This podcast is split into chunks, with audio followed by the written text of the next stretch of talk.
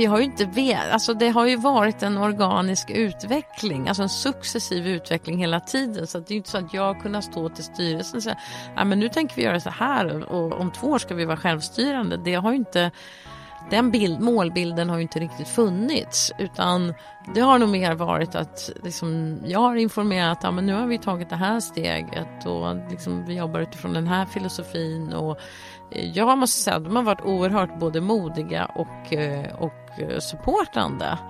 Eh, I takt med att de ändå har sett att ja, men vi har levererat bra resultat, de ser att eh, personer har vuxit. Och, men, men absolut, de har ju haft jättemycket frågor. Och, men hur kan det fungera överhuvudtaget såklart?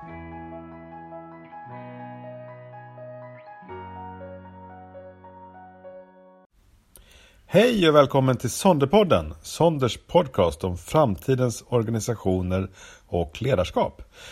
Jag heter Love Lönnroth och jag är konsult på Sonder. Sonder jobbar med organisationer och företag som vill bli självstyrande och mer engagerande för sina medarbetare och för sina kunder.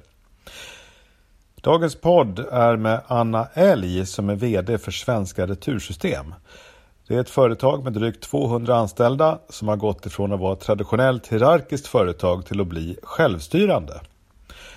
Anna har ett långt CV som innefattar erfarenheter från oljebranschen, flyget och vård och omsorg innan hon kom som VD till Svenska Retursystem. Hon berättar om resan hon har gjort med företaget som började med ett fokus på personlig utveckling och som har lett fram till att företaget sedan ett par år har avskaffat de traditionella cheferna och ersatt dem med självstyrande team. Innan podden med Anna så vill jag också tipsa om att vi söker fler konsulter till Sonder. Om du gillar Sonderpodden och är nyfiken på hur det ska vara att jobba med oss så föreslår jag att du kollar in vår karriärsida som du hittar på sonder.se under om oss. Där kan du läsa mer om vilka profiler vi söker och skicka in en intresseanmälan. Om du är konsult med egen firma idag så kanske du är intresserad av att bli en friend of Sonder.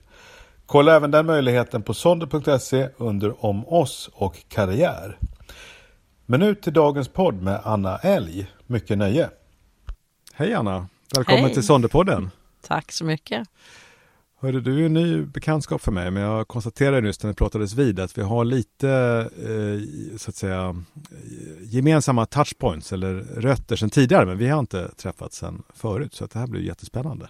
Ja, men verkligen. Ja, och eh, det är också extra kul eftersom mitt allra första konsultuppdrag som jag berättade för dig om 1994 för att avslöja lite grann hur gammal jag är eh, handlade om retursystem för mjölk och de ekonomiska förutsättningarna för det.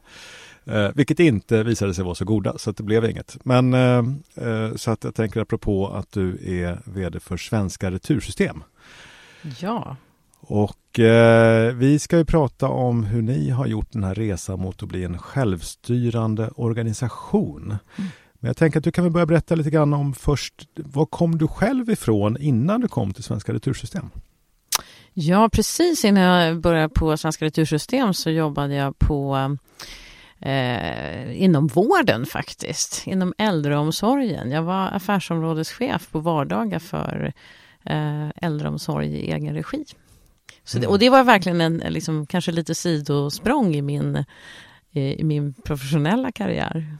Men väldigt spännande. Ja, och just det, för innan dess hade du jobbat med helt andra typer av verksamheter, eller hur? Ja, man kan väl säga att eh, den, den, röda tråden i, i, i, min karriär är väl att jag jobbat mycket inom eh, supply chain och varuflöde och logistik och inte minst eh, systematiskt förbättringsarbete och förändringsarbete i många olika former och många olika branscher. Jag har varit i både oljebranschen som ju kanske känns lite smutsig idag. Eh, men det var väldigt spännande och jag, jag jobbade på SAS i en period och eh, på Lantmännen som varuflödesdirektör eh, i mitten av 2000-talet. Mm.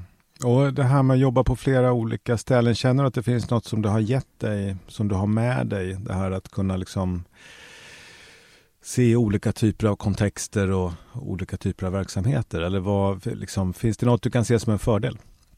fråga som konsult eftersom som konsult så försöker man alltid motivera Ja. varför det är bra att att ha liksom olika typer av erfarenheter. Nej men det tror jag verkligen därför att eh, min erfarenhet är ju att eh, det är mycket samma frågeställningar, samma typer av problem fast i olika branscher. Sen är det ju klart så att varje bransch har sina specifika utmaningar men, men jag kan nog tycka att eh, eh, man kan, eh, man kan hämta liksom idéer från olika branscher och det blir en korsbefruktning också om man har jobbat eh, ja, med olika verksamheter men kanske eh, som jag då mycket med, med, med varuflöden och logistik så, så kan man plocka med sig väldigt mycket. Mm. Ja, men ja, det, det, det är bra. Det är rätt svar skulle jag säga. Ehm, Vilken tur! Men du, vi ska ju prata om svenska retursystem och eh, som ju jobbar, om jag förstår rätt, med alla de här backarna och trågen och grejerna som man då eh, skickar mellan eh, butiker och grossister och olika ställen, eller hur? Det är liksom en rätt omfattande logistikoperation helt enkelt. Ja, man kan säga att vi är ju, vi är ju eh, den, den osynliga länken i hela livsmedelsförsörjningen i, i Sverige. Utan oss så skulle faktiskt eh, inte maten komma fram till butiker. Mycket är ju eh, eh, helt automatiserat utifrån våra gråa backar. Om man går i grönsaksdisken så ser man ju dem direkt. Det finns sex olika gråa backar och sen har vi ju då pallar av plast också som cirkulerar. Och, eh, de här backarna och pallarna de lever ju i 15 år och används ju om och om igen. Och vi har då eh, fyra anläggningar där vi eh, tar tillbaks dem och tvättar och eh, eh, lagar dem, ser till att de är hela och rena tills, innan vi skickar ut dem till olika producenter. Och framförallt då är vi väldigt stora inom färskvaruflödet och på både kött och skärk och frukt och grönt och kyckling och fågel. Mm. Eh, men även inom eh, kolonial och dryck. Och det som är lite speciellt då, förutom att ni jobbar med cirkulär ekonomi, det är ju att ni är ju en egentligen självstyrande organisation Mm. och en ganska stor sådan. För att Mm. många sådana är ju som vi själva på Sonder, vi är ju Mm. Liksom uppåt 20 pers. Mm. Eh, men ni är, om man inte har helt fel, 170 va? Ja, vi har faktiskt passerat 200 nu. Vi har så? vuxit Okej. rejält och vi har insourcat hela vår kundservice och planering faktiskt här under hösten. Mm. Eh, när vi startade så, eller allt sedan start så har har det drivits av ett eh, konsultföretag som heter Sonat. Mm. Eh, men nu valde vi att vi behöv, tyckte att vi skulle insourca den funktionen till Västerås, en av våra större anläggningar. Så då blev vi i ett nafs eh, ganska många fler och eh, det är också den första funktionen hos oss som vi har byggt självstyrande från start. Mm. Så det har också varit en väldigt spännande resa här under hösten. Men det är också intressant, för jag tänker precis som vi på Sonder så har ju ni inte haft så här från början, utan det är ju någonting, ett beslut som har kommit efter, efterhand och Ja. med byte av ledning också som jag Ja. tolkar det. För många av dem som jag tänker haft med Birdsrock till exempel i Mm. podden som är stor holländsk, eh, apropå hemtjänst och sjukvård Ja. så är de ju en jättestor Mm. sjukvårdsorganisation Ja. eh, med 15 000 Ja. personer som jobbar i självstyrande team. Men de är ju startade så. De Mm. har ju liksom en sån typisk Mm. visionär entreprenör som har Mm. grundat så här. Och ni eh, är, är ju startade, ni har väl varit som jag förstår det mer traditionella. Sen kom du Mycket in. traditionell. Ja. Ja. så du kan väl berätta lite Ja. om, för det är jättespännande den här resan. För jag tänker jag tror att det är många som Mm. sitter, eh, eller jag vet att det är många utav, utav de som lyssnar på den här podden och som, som följer Sonders olika Mm. flöden som just sitter i, kan man säga, traditionella Mm. Organisationer och funderar över hur Mm. kan vi bli mer självstyrande? Det tror jag också gäller många chefer faktiskt som känner att det är Mm. väldigt mycket chefsrollen som inte är så himla värdeskapande. Mm. Hur kan jag göra om? vad, Ja. hur kan vi, vad kan vi göra för att bli mer flexibla? Kan inte du berätta lite om liksom, hur gick det till hos er? Ja. Jo, nej, men det är precis som du säger. Det var ju ett väldigt, eh, väldigt traditionellt. Jag kom in eh, eh, 2014 och eh, efterträdde eh, förra vd som var med och startade bolaget. Så att det var ju en otrolig resa som hade gjorts bara att starta Svenska Retursystem från, från grunden. Eh, Men det var väldigt mycket silotänk och det var ett läge där faktiskt eh, medarbetarengagemanget eh, var inte bra. Så att det lyste väldigt mycket rött när vi gjorde faktiskt den första medarbetarundersökningen då eh, 20, på hösten 2014 tror jag det var med ett externt företag så, så var det väldigt mycket som lyste rött och jag har väl alltid i mina olika roller jobbat mycket för mig. Hur ska vi skapa förutsättningar för ett engagemang hos alla? Alltså det har varit någonstans grunden eh, och min drivkraft. Eh, då hade jag inte någon sorts självstyrande organisation på, på kartan i mitt huvud överhuvudtaget. Mm. Eh, utan det handlade mer om, kan vi komma igång med ett ett systematiskt förbättringsarbete där vi får ett engagemang från alla, att alla kan vara med i förbättringsteam och bidra med sin kunskap. Och, alltså det var mycket mer, det var verkligen det tänket som, som, eh, eh som jag kände och brann för när jag fick den här rollen som vd på, på, på SRS. Eh, för det hade jag jobbat mycket med Eh, i, både i, i mitt uppdrag på, på vardagar och eh, innan på Lantmännen och även tidigare också. Eh, och alltid haft lite utmaningar då med att eh, det kanske ibland är chefer som är i vägen för att det där också ska hända. Att man, att man verkligen lämnar ifrån sig eh, både makt och beslut. För det krävs ju både i, liksom, inom linfilosofin också. Så mm. det där går ju ihop. Fast min, då hade inte jag någon liksom, tanke kring det här med självstyrande. Just men du hade jobbat med lin och du, så ja. du, hade, du var lite inne på den filosofin som ändå handlar om det här med förbättringsarbete som ju någonstans utgår mycket från att folk kan tänka själva. Ja men absolut och jag tror att jag liksom själv har jobbat mycket. Det har drivit mig och jag eh, jobbade ju mina första 14 år som anställd i, i Statoil. Vi hade en helt fantastisk vd på den tiden, Gustav Gradin som gav otroligt mycket ansvar till alla och liksom, jag tror att jag har liksom levt med det där i den andan och försökt ta den andan vidare i, i många av mina jobb. Mm. Eh, och det, det, finns ju, kärt barn har ju många namn, men, men det var verkligen någonting som jag brann för och ville göra på SRS. Och då började vi också jobba med, eftersom det var Ja, vi gjorde en omorganisation, det kom in nya personer i, i ledningen. Vi började jobba med att eh, bygga en struktur för det här systematiska förbättringsarbetet som också bygger mer på att ha tvärfunktionella fokusgrupper för liksom att prioritera i ja, vad är det för utvecklingsinsatser vi ska driva. Mm. Så att vi, vi satte nog en, jag skulle nog säga med, med facit i hand idag, så den struktur vi satte då som var ganska jobbig att få till den förändringen var ändå väldigt viktig att få till tvärfunktionella team Mm. Och, eh, och då märkte vi också att ja, men vi hade ju en utmaning därför att vi hade inte ett samarbete eller vi hade inte en, ett samarbetsklimat som, som var gynnsamt. Eh, och det första vi började jobba med det var ju också självinsikt. Eh, för var och en behöver självinsikt innan man kan liksom börja jobba med teamet också för att förstå mm. vad är, vad är vi för individer och hur, hur fungerar vi tillsammans. Hur, hur jobbade ni med självinsikt då? Hur, hur gick det till? Ja men då, då kom vi i kontakt med ehm, eh, Enneagramcenter. var en av eh, kollegorna i, i ledningsgruppen som hade fått eh, nys om det här. Och hon, hon... Jag har faktiskt en enneagramhandledarutbildning sen, eh, för några år sedan. Jaha, ja, vad intressant. Det var inte så lätt ska jag säga att lära sig. Nej, det är väldigt komplicerat, men det är just för att det är så komplext med nio strategier och eh, eh som hur de här samverkar och vilka stresspunkter man har och eh, gör ju också att jag tror fler kan verkligen ta det här till sig. Det blir inte bara du är blå, du är röd. Och, utan det är verkligen många, många dimensioner i det här mm. som verkligen ökar eh, Ja, jag måste säga personligen så har det ju gett mig otroligt mycket eh, att, att få den insikten och, och framförallt kanske få insikt om att eh, jag tror många går omkring och tänker så här, men så här funkar det, så här är jag, då är ju alla andra så också. Men få insikten om hur fundamentalt annorlunda andra tänker. Så vad är det för siffra på, på enneagrammet då? En åtta eller? Ja, just det. Då visade du rätt. Ja, kunde nästan ana.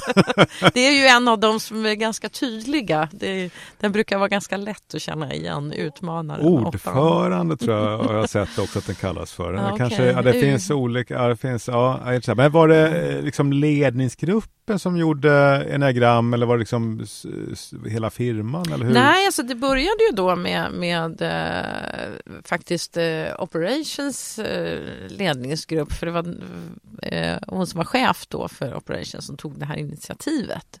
Mm. Eh, och sen så när de var så positiva så spred det sig ju så började ju flera team att göra det. Och nu gör vi det ju på alla, alla som börjar eh, såväl liksom, eh, vad heter det, genom tjänstemän och vi har haft en stor satsning också för alla våra kollektivanställda. Okej. Mm. Mm. Det är väldigt spännande. Ja. Många har ju aldrig ens fått möjlighet till re- reflektion Nej, tidigare. nej.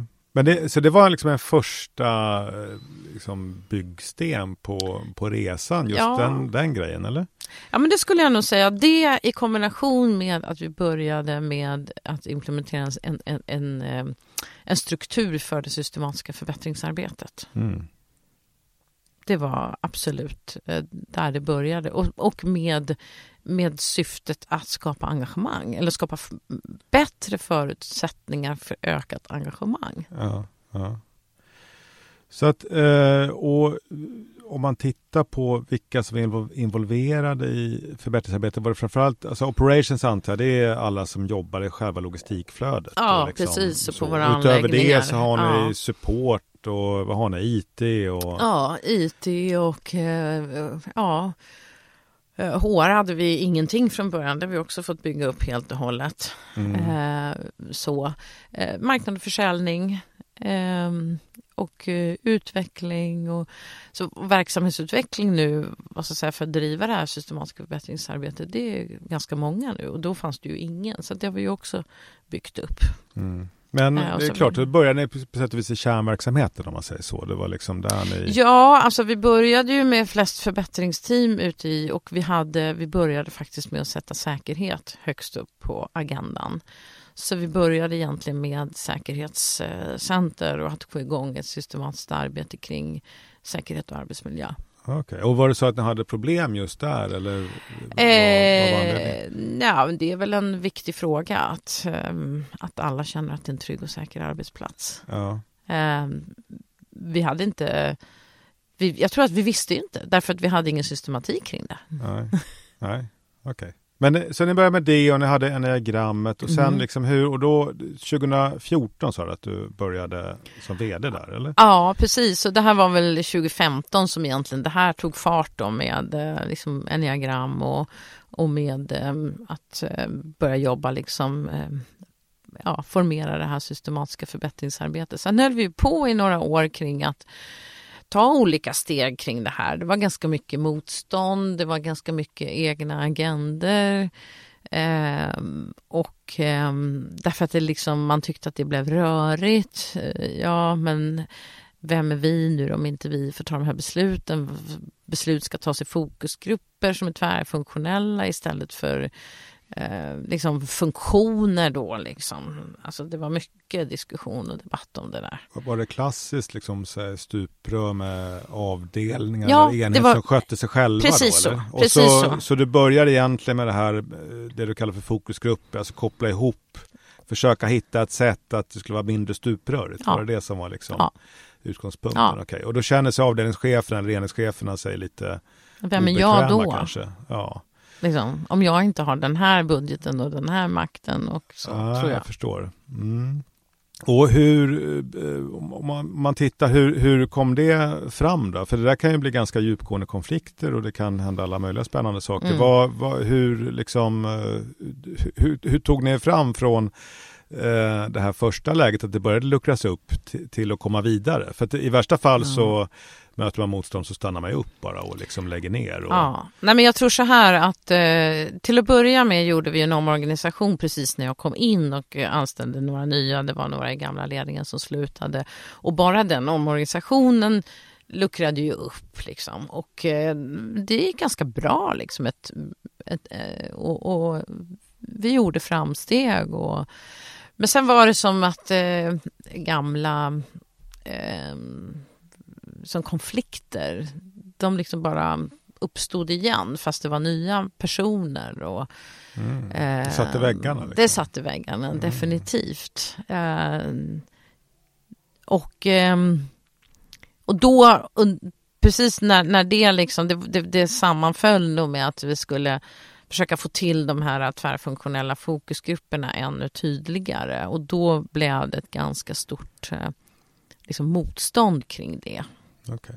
Och eh, man satt och höll liksom på, ja men det här är ju våra beslut och eh, inte liksom ett beslut för en fokusgrupp och hur ska det fungera och det var väldigt mycket kritik, det här kommer aldrig fungera, det här är, mm. det här är helt fel väg att gå och så vidare. Hade du några som var tydligt allierade med dig eller med din agenda och eh, andra som är liksom motståndare? Liksom hur, hur utspelar sig det där? För det där kan ju också bli ibland att uppstå olika läger liksom, i en ledningsgrupp. Ja. Eller det, ja. liksom, det kan ju bli väldigt rörigt. Mm.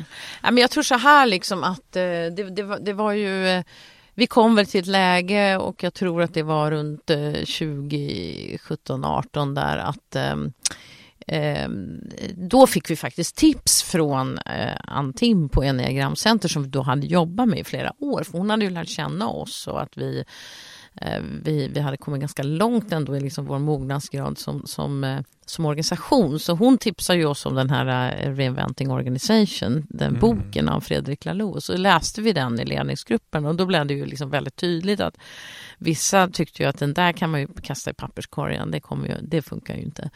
Eh, och andra liksom gick igång på hundra cylindrar och tyckte att det här var ju jättespännande. Okay. Eh, inklusive jag själv då. ja.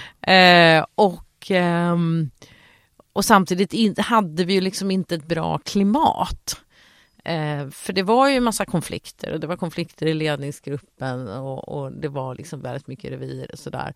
Och då eh, var det faktiskt vår eh, HR-chef som, eh, som kom på liksom, ja, men de, tuff ledarskapsträning, de, de, eh, de hade hon liksom varit i kontakt med för länge, länge sedan ifrån, när hon läste sin utbildning och det här med Freys hotell och så vidare.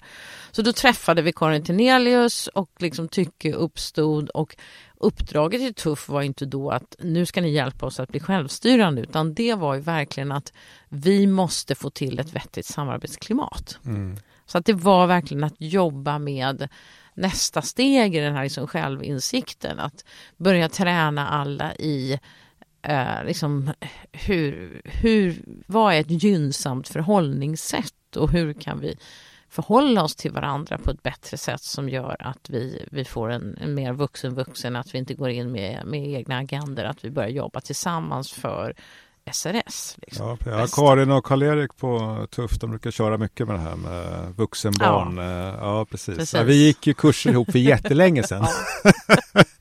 ja. Eh, så att jag kan ju känna igen det där. Men det, var ni just ledningsgrupper som tränade eller var ja, liksom hela... och då var det precis. Jag började och, och, och, IT, för IT hade ju gått lite före då när vår CIO lämnade så så började de ju prata om att ja, men vi kanske skulle vara mer självstyrande team.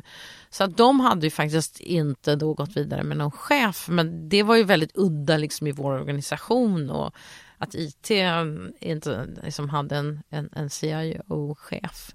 Eh, så de fick en coach och vi och gick på tuffträning och ledningsgruppen. Det var så det började. Mm. Mm. Ja, så att då tränade ni, var, var det den pusselbit som krävdes för att ni skulle komma vidare och kunna hantera de här konflikterna? Eller hur, eh, hur ja, det? det? blev väl till slut så illa att eh, vi kom, de, de konflikterna kom inte vidare utan liksom det var eh, några personer i vår ledningsgrupp, de, de lämnade faktiskt eh, SRS. Okay. Mm. och ehm, då ehm, då, ja, jag kan väl säga att jag fick liksom lite så här råg i ryggen från Tuff att eh, ja, men ställ frågan liksom, ska, ska ni verkligen liksom eh, anställa någon ersättare? Så, så då hade vi den diskussionen med de här teamen och då var de liksom, ja men vi kanske skulle testa att, att inte ha någon chef. Mm. Så, men det var ju verkligen liksom att ge sig ut på, på, på, på djupt vatten. Det var ju ingenting vi hade provat så omfattande tidigare. Nej. Och helt ärligt visste jag inte själv liksom var, var, var det där skulle liksom landa och hur skulle vi förhålla oss till det. Men, men eh, de ville testa det och då, då gjorde vi det. Vilka var det som vågade gå före? Var ja, det men det typ var ju då så, eh, försäljning och marknad och, och uh, operations. Mm. Um, så att, um, och de fick ju då stöd med, med, med coach från Tuff och um, liksom, ja. Och, och det intressanta är ju att um, alltså det, det, det, krävdes ju ganska mycket insats i teamen eh, och, och mycket tid. Men, men det är ju fantastiskt att se de här teamen idag, liksom, mm. vad de är och mm. vilken, hur, hur de har vuxit. Mm. Eh, enormt. Ja, mm. och nu är vi typ alldeles innan pandemin då, eller någonstans 2019 eller vad? Eh, ja, men det kan man väl säga att, eh, att vi är. Eh, för vi hade ju varit igång med ett antal självstyrande team när, när pandemin slog till och det var ju väldigt positivt faktiskt för oss för att eh, det, ja, men alla har ju verkligen tagit eget ansvar och att jobba digitalt. Och det var inte en jättestor omställning för oss att gå in och, och jobba på det sättet. Väldigt högt ansvarstagande och eh, liksom, eh, bra förutsättningar skulle mm. jag säga. Nej, precis. Ja, det, och det kanske på, på, det sättet kan vara en positiv upplevelse. Det är jobbigt med en pandemi, men just det där mm. med att man går in i ett läge där man också måste göra på nya sätt. Ja. Det kan ju lite grann under, liksom, ytterligare understryka mm. Mm. att um, man ser ett värde i det man har byggt mm. upp. Där, där man inte kan göra på gamla sätt längre. Nej. Man måste tänka nytt, man ja. måste vara innovativ. Och ja, allt det där. Absolut, absolut. Ja. Nej, för det, det, det är ju lite ja. intressant det där. Ja. Och eh, då eh, skippade vi också till slut vår ledningsgrupp för att eh, i takt med att vi inte hade chefer så var det då, blev det så att gruppteamen fick utse representanter som skulle representera då funktionerna i ledningsgruppen. Mm. Eh, men successivt så hade vi ju då fått andra tvärfunktionella forum på plats. Vi hade till exempel ett operativt forum där det var personer som hade den typen av ansvarsområden och sen hade vi ju då fått fått de här tvärfunktionella fokusgrupperna på plats. Så vi hade även fått en styrgrupp till det på plats. Så att jag tror att till slut konstaterade vi att det var inte så, men liksom, vi har inte så mycket frågor på, på ledningsgruppens bord längre. Utan mm. ja, men vi testar väl att eh, avskaffa oss själva. Mm. Eh, och då gjorde vi det. Eh, och liksom vi sa, men om det skulle visa sig att vi inte att det inte funkar, ja då får vi väl ompröva då. Men det, det är nog, alla är nog rörande överens om att det var det bästa beslut vi tog, att eh, skippa ledningsgruppen. Mm. De här forumen, vilka, ni har två olika forum då, eller hur, hur praktiskt jobbar ni så att säga? Nej, men vi har nog ganska många olika forum och de har ju vi tillsatt i takt med att liksom, vi har sett vilka behov har vi då. Eh, så att eh, rent operativt så har vi ju då både daglig styrning ute på våra anläggningar eh, och sen så har vi då representation från de olika operativa delarna till ett veckomöte där vi liksom helt enkelt gör en, en, en vecko stand-up. Och sen har vi ju då en, en separat krisledning som ju har fått jobba ganska mycket under covid och så vidare.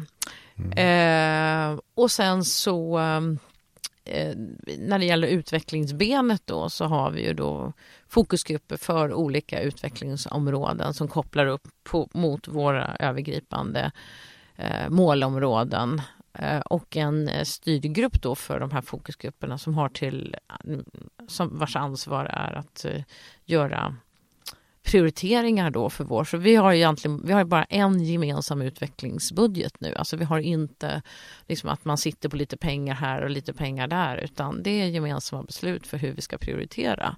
Mm. Och så har vi till exempel ett personalplaneringsgrupp som också är tvärfunktionell. Um, ja, så det, och där tar vi alla beslut om nya anställningar och så vidare. Bokslutsforum där vi diskutera prognosmöten. Men det är väldigt många olika, alltså ingen av de här grupperna är ju sammansatt på exakt likadant sätt. Mm. Vi har en kunderbjudande grupp som ansvarar för det. Och, så, så alla, det är tydligt alla... var liksom, ja, men beslut om anställningar ska tas i personalplaneringsgruppen och beslut om kunderbjudande tas i den gruppen och så, så vidare. Så att mm. man, man vet vilka forum fattar olika beslut. Men det är också att väldigt många nu har ledarroller kan man säga. Att de ingår i olika i ett forum till exempel, eller kanske flera forum också. Men alltså ja. att ni sprider ledarskapet egentligen så att det blir fler oh ja. ledare inom organisationen. Oh det är väl ja. det som... Mycket, mycket, mycket bredare. Ja.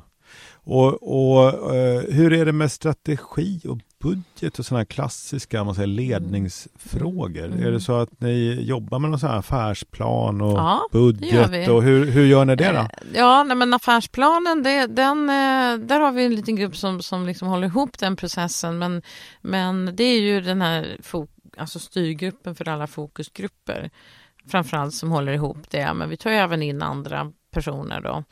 Eh, och som utifrån vilka, vilka, vilka ämnen ska vi behandla under året på strategidagarna. Eh, ja, då, är ju, då, då tar vi in den, de som är liksom aktuella för att vara, ja, diskutera med styrelsen. Så det blir ju mycket bredare på det sättet också, kan jag, mm. kan jag känna. Eh, vi, har ju, vi försöker ju gå från det här klassiska budget. Eh, vi har ju jobbat nu under flera år mot att bli mer styra på prognos istället för budget. Så att vi gör ny prognos fyra gånger per år där vi liksom tar in vad har hänt nu? Och sen sitter vi liksom brett och då är det ju de som har liksom olika eh, områden som berörs liksom mer ekonomiskt som sitter med på de prognosmötena. Mm. Ja, eh, Olika representanter. hur har det gått att få med sig styrelsen på det här? Då? Var de helt med på noterna från början? Eller? Ja, men alltså vi har ju inte vet, alltså det har ju varit en organisk utveckling, alltså en successiv utveckling hela tiden. Så det är inte så att jag kunnat stå till styrelsen och säga, ja men nu tänker vi göra så här och om två år ska vi vara självstyrande. Det har ju inte den bild, målbilden har ju inte riktigt funnits utan det har nog mer varit att liksom, jag har informerat att ja, nu har vi tagit det här steget och liksom, vi jobbar utifrån den här filosofin och eh, jag måste säga att de har varit oerhört både modiga och, eh, och supportande. Eh, I takt med att de ändå har sett att ja, men vi har levererat bra resultat, de ser att Eh, personer har vuxit. Och, men, men absolut, de har ju haft jättemycket frågor. Och, men hur kan det fungera överhuvudtaget såklart? Mm. Mm. Jag kan tänka mig att du blir lite nyfikna också? Eller? Ja, ja men mm. absolut. Mm. Eh, både nyfikna och lite så här... Eh, ja, liksom... För, för, kanske lite både skeptiska men ändå eh, nyfiket intresserade. Liksom. Ja, ja, ja, ja jag kan tänka det. Men det, det är intressant. Kan, kan du se några tydliga resultat som ni har uppnått tack vare den här förändringen som ni har gjort? Alltså någon, någonting som går bättre idag? Ja, men alltså jag skulle ju säga att vi har ju uppnått resultat på, på, inom alla områden. Både utifrån att ehm, eh, jag ser ett, ett, ett, ökat ansvarstagande och många som verkligen har vuxit otroligt mycket i sina roller. Eh, vi har sett en förbättring eh, tyvärr inte förra året. Vi hade lite bakslag i fjol, båda vad gäller vår kundnöjdhet och medarbetar eh, eh, vad ska jag säga, engagemang. Vi hade en jätte, jättetufft år i fjol där vi hade stor brist på, på en av våra lådor. Och liksom det var en riktig, riktig leveranskris. Och okay. det, det liksom tog väldigt hårt i, i organisationen. Men eh, så det är ju, det är ju liksom det är ingen yttre spik. påverkan. Det är väldigt så, mycket yttre påverkan och det är ju liksom ingen spikrak väg uppåt. Men vi har ju levererat bra ekonomiska resultat. Vi växer, vi har ju vuxit väldigt mycket, eh, fortsatt, eller fortsatt att växa. Eh, så ja, men liksom generellt om man tittar över hela den här perioden så har vi ju verkligen utvecklats eh, mm. väldigt positivt. Om man tittar på sånt som rekrytering och utveckling, behöver ni överhuvudtaget externrekrytera eh, ja. ledare eller eh, har ni väldigt mycket att ni får bättre försörjning internt eller har det, finns det någon påverkan där? Alltså vi, vi, vi, man kan väl säga att hos oss är det mer av en kompetenskarriär så att man behöver ju vi har ju absolut intern försörjning med personer som får mer och mer erfarenhet. Men vi har ju också en hel del eh, extern rekrytering. Mm. Och den, där har vi ju, tycker jag, blivit bättre och bättre på att också vi måste vara jättetydliga att det är så här vi jobbar. Nu när vi faktiskt har landat i att det är så här vi jobbar. det var svårt då när vi stod någonstans och vägde och vi var i den här utvecklingen och vissa team var självstyrande, andra var inte självstyrande. Hur, hur rekryterar man då? Hur mm. presenterar man vad vi håller på hur, hur vi, hur är vår kultur? Mm. Jag tror där kan vi vara mycket tydligare idag när vi faktiskt är, eh, och på tjänstemannasidan har vi ju inga chefer eh, kvar. Eh, och eh, vi håller på med den, vi, vi är ju en resa, eh, väldigt mycket mental sån resa också på kollektiva sidan mm. och våra mm. anläggningar. Hur, hur, och hur är det om man säger som att attraktionen som arbetsgivare? För det finns ju de som kan tycka att det är kast om att det kan bli chef. Ja, och... men då får man ju, alltså, och, och sådana har vi ju faktiskt haft internt som har slutat. Mm. För de har känt, men jag vill ju bli chef. Mm. Och då har de faktiskt sagt upp sig. Okay. Så, men, och attraherar ni å andra sidan folk som medvetet söker sig till er för att ja. de vet hur ni funkar? Ja, det skulle jag säga. Mm. Eh, det, och, och, det är viktigt att man känner att jag, det här är någonting jag verkligen skulle vilja prova på om man ska mm. jobba hos oss. Uh, för om man vill, om man om ens största dröm är att bli att vara chef och ha många medarbetare, då ska man inte söka sig till oss. Mm. Om, om, du skulle gå tillbaka till 2014 och, och mm. göra om det här med det du vet ja. nu, ja. Vad, vad, skulle du göra annorlunda? Um, alltså det är jättesvårt att säga. Jag, jag måste säga så här att det har ju varit en väldigt stor, väldigt eh, mycket av en personlig resa också. Ehm, eftersom ehm, det är klart att hade jag klivit in och tänkt att eh, jag går in i det här uppdraget och vi ska bli en självstyrande organisation. Alltså för mig känns det ganska utopiskt att jag skulle kunnat gått in för det var så extremt hierarkiskt. Mm. Uh, utan jag tror ändå att det att det har varit små, små, små steg hela tiden och att det faktiskt utvecklats av organisationen som sådan. Vart vi, var vi befinner oss och vad är nästa steg.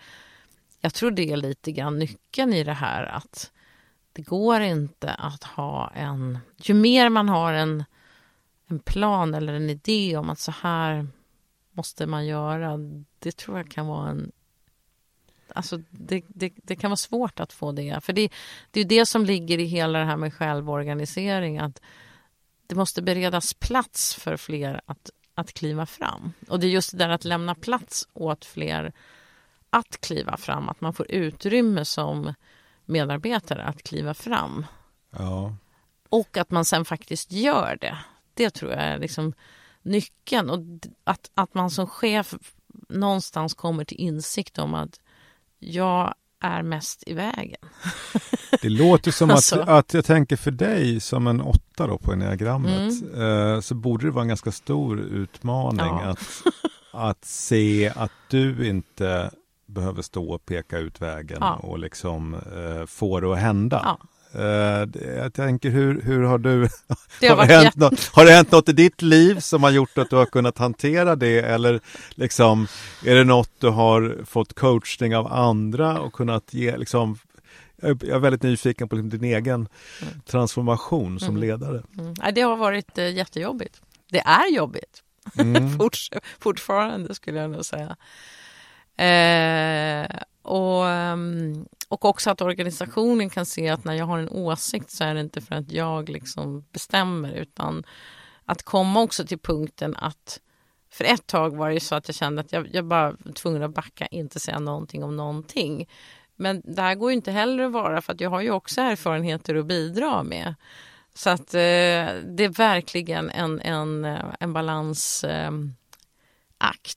Eh, mm. Att eh, att backa. Så att du har ju helt rätt, alltså som en åtta så då får man, eftersom man då eh, gillar det här med utmaning, då får man väl se det där som ens utmaning. Inte att jag ska lösa liksom grejerna på SRS, utan utmaningen jag har att jobba med, det är ju att, att jobba med mig själv. Mm. Att, eh, inte vara i vägen och, och sen liksom någonstans försöka lära sig att leva med att man trillar i diket ändå hela tiden och är i vägen. Ja, ja. eh, men jag måste säga eh, otroligt att se liksom de chefer som också har klivit åt sidan och som är kvar och att kunna hantera den transformationen. Så det är många som har jobbat med sig själva och mm. kunnat liksom um, Mm. Jag tänker, jag intervjuade för rätt många år sedan inför en bok jag skrev mm. Eh, Lasse Molin som var ja. personalchef på Securitas. Mm. Och de genomgick en transformation åt lite samma håll, inte mm. lika långt, Nej. men i den riktningen redan på 80-talet, mm. början på 90-talet. Och. Jag minns att han pratade rätt mycket om det här att de hade väktare som blev befordrade till någon sorts gruppchefer mm. och inte var så bra mm. eh, för det. Och att hon jobbade mycket på att hitta ett sätt att man utan att tappa prestige kunde gå tillbaka igen mm. till att vara väktare. Alltså ja. det här mm. som, som en nyckel. Att just i sån här typ av hierarkiska organisationer som man har fyllt med mm olika mm. mellanchefer på mm. ganska låg ja. nivå också för att erbjuda någon sorts karriär. Men det, liksom, mm. blir cementerat, ett väldigt mm. trögt system. Och mm. just det här att hitta vägen, mm. att jag kan gå tillbaka igen till den roll jag haft utan att jag behöver sluta. För att i många organisationer innebär det liksom att jag tappar så mycket prestige. Jag måste, ja, jag måste kliva av helt och ja, hållet. Exakt. Eh, nej, men jag tänker att eh, det, det, är svårt att vara, tror jag, i vårt företag. Man har väldigt mycket prestige. Mm. Alltså, eh, prestige ligger ju verkligen i vägen för det här. Eh, och de som har lyckats nu då, de har, jobbar ju ändå med liksom utifrån sitt kompetensområde så att den, deras primära arbetsdag handlar inte om att leda andra människor utan det handlar om att lösa olika eh, uppgifter i vår organisation. Annars tror jag det inte hade kanske funkat att, eh, att vara kvar om man inte liksom är duktig inom sitt gebit och liksom någonstans jobbar utifrån sin kompetens. Um, så att, um, men det här att bara liksom ha som sitt huvuduppgift att skyffla information eller sitta med uppföljningssamtal eller sånt, alltså klassiska chefsuppgifter. Um, det, det, det, är ju, det är ju arbetsuppgifter som vi inte har längre. Därför mm. att det är inte så det funkar. Allting är transparent, all information finns tillgänglig för alla eh, när man behöver den och där man behöver den. Så att, eh, det är ju också någonting som är väldigt fundamentalt tror jag, att man, har, att man verkligen jobbar för en väldigt öppen och transparent Mm. Um, informations... Uh, hur, hur, hur transparenta är ni? Har ni öppna löner? Har ni liksom ja, det är väl det enda vi inte har kommit till transparent då. Okay, för det har vi på Sonde kan jag säga. Ja, då har ni kommit längre vi, där. Vi har helt öppet. Nej, så långt har vi inte kommit, men vi har ju vi har hittat en, en lönemodell där det var en tvärfunktionell Eh, förbättringsteam som jobbade med alltså, hur ska vi sätta löner nu då när, när vi inte har chefer. Mm. Det var ju en stor grej och vi håller på fortfarande och utvecklar hur det ska ske på kollektivsidan. Eh, så att från nästa år så hoppas vi att vi har en, en, en modell som ska, även ska kunna funka på kollektivsidan. Och apropå kollektiv, eh, jag antar att ni har facklig anslutning? eller? Ja, oh ja. Så ni har kollektivavtal. Hur, hur mm. funkar det i, i dialogen med de fackliga representanterna? Hur, alltså, finns det någon skillnad där du kan se som har hänt med den här ja. resan? jo, alltså vi har ju väldigt löpande eh, vi försöker ju ha en, en, en eh, både löpande och väldigt öppen dialog med de fackliga. Och eh, på tjänstemannasidan när vi liksom kom igång med det här så det blev, kunde vi ju sitta och skratta ibland att eh, när vi insåg att eh, ja fast det här har ju medarbetarna redan bestämt liksom. Jaha, ska vi förhandla om det här nu då eller vad ska vi göra? Alltså det blir, mm. såna, det blir för det blir ju väldigt mycket egentligen det som jag tror att man som facklig faktiskt önskar så blir det ju väldigt mycket i en mer medarbetarstyrd organisation. Ja, så vad är fackets roll då? Liksom? Ja, för jag tänker precis som mellanchefer mm. eller chefer överhuvudtaget kan känna att de tappar sin roll. Som, eh, som facklig mm. representant så kan mm. man väl också känna det i värsta fall? Ja, det, den eh, risken tror jag finns. Eh, men då tänker jag att jag tycker ändå att vi hittat en bra, en bra balans i det där att um, vi fortsätter och vi har verkligen dialog för det kan komma upp andra saker och det kan, jag tycker att det kommer ofta väldigt mycket värdefull information den vägen och liksom även bra, väldigt mycket bra tankar och bra idéer. Så mm.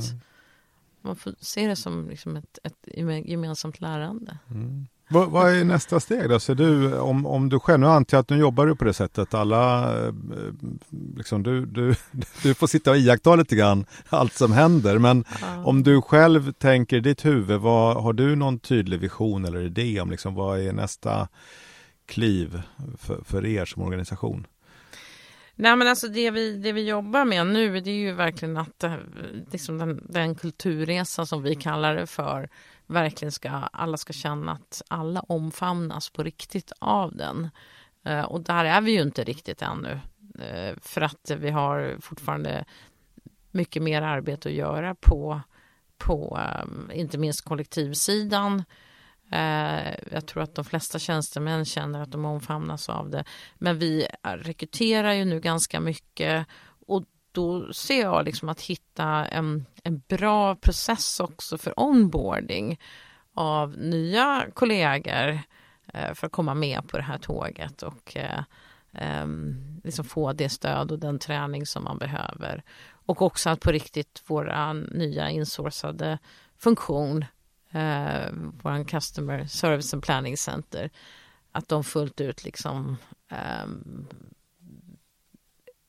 är up and running. För det har varit väldigt mycket träning för dem nu bara lära sig liksom vad vi håller på med men också att teamen hittar sina arbetssätt och så vidare. Så det är liksom det, är liksom det här äh, det är inga stora nya revolutionerare utan det är verkligen att få det att sitta och att, äh, att liksom mm det är det här dagliga Ständiga gnetan. förbättringar ständiga, som man brukar prata om. Ständiga gnetet. Ja.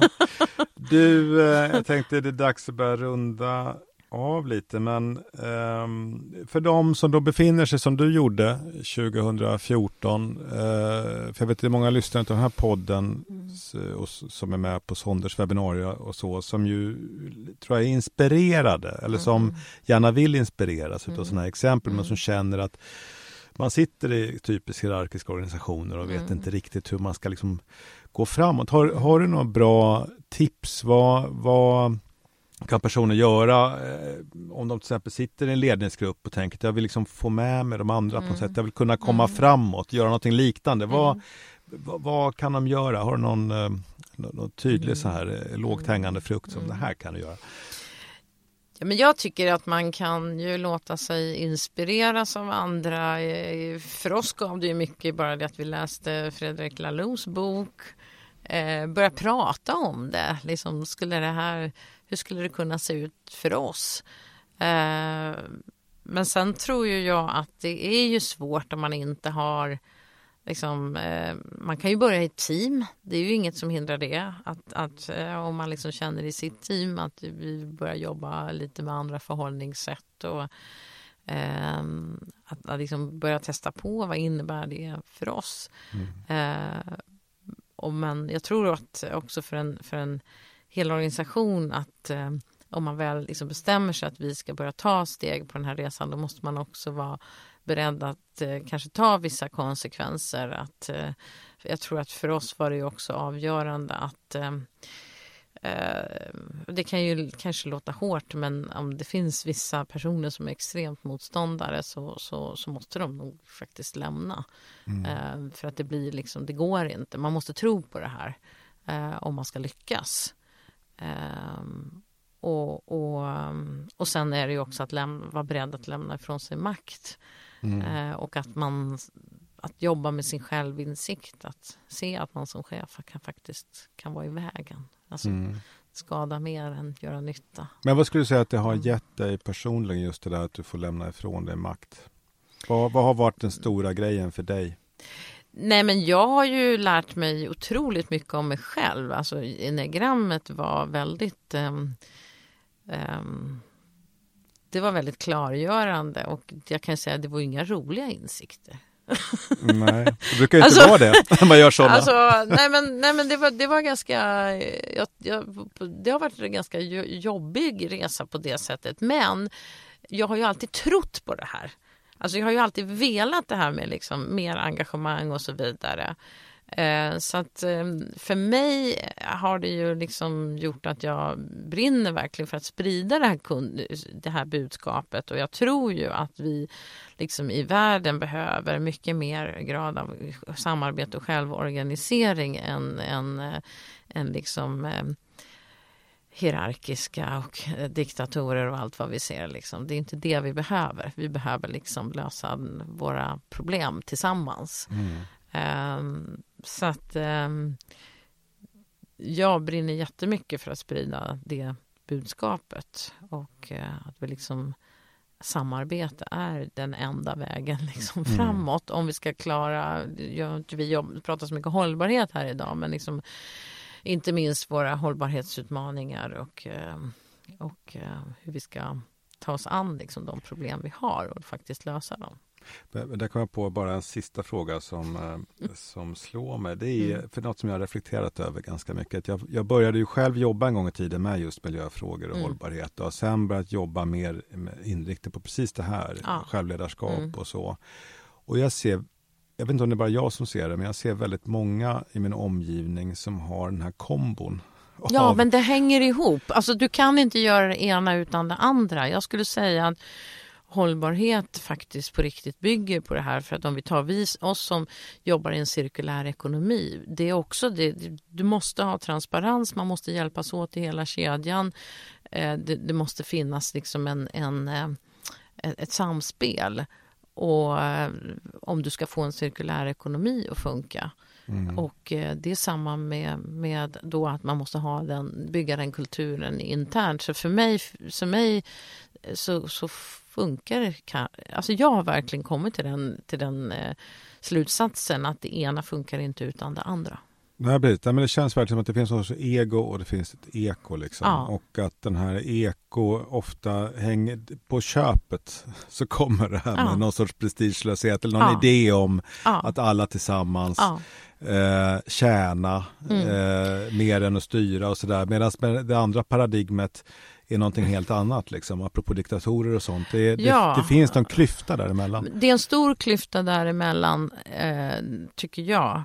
Och jag tror att det här med att vi någonstans kommer till insikt om att vi hänger alla ihop. Vi är alla beroende av varandra. Det, det bara är så. Och eh, vi behöver alla komma till den insikten för att vi liksom någonstans ska ha en mental inställning och ta rätt beslut mm. eh, i hållbarhetsfrågorna. Ja. Mm. Vad bra, du, det får mm. bli slutorden. Ja. Jättetack för den här podden. Tack. you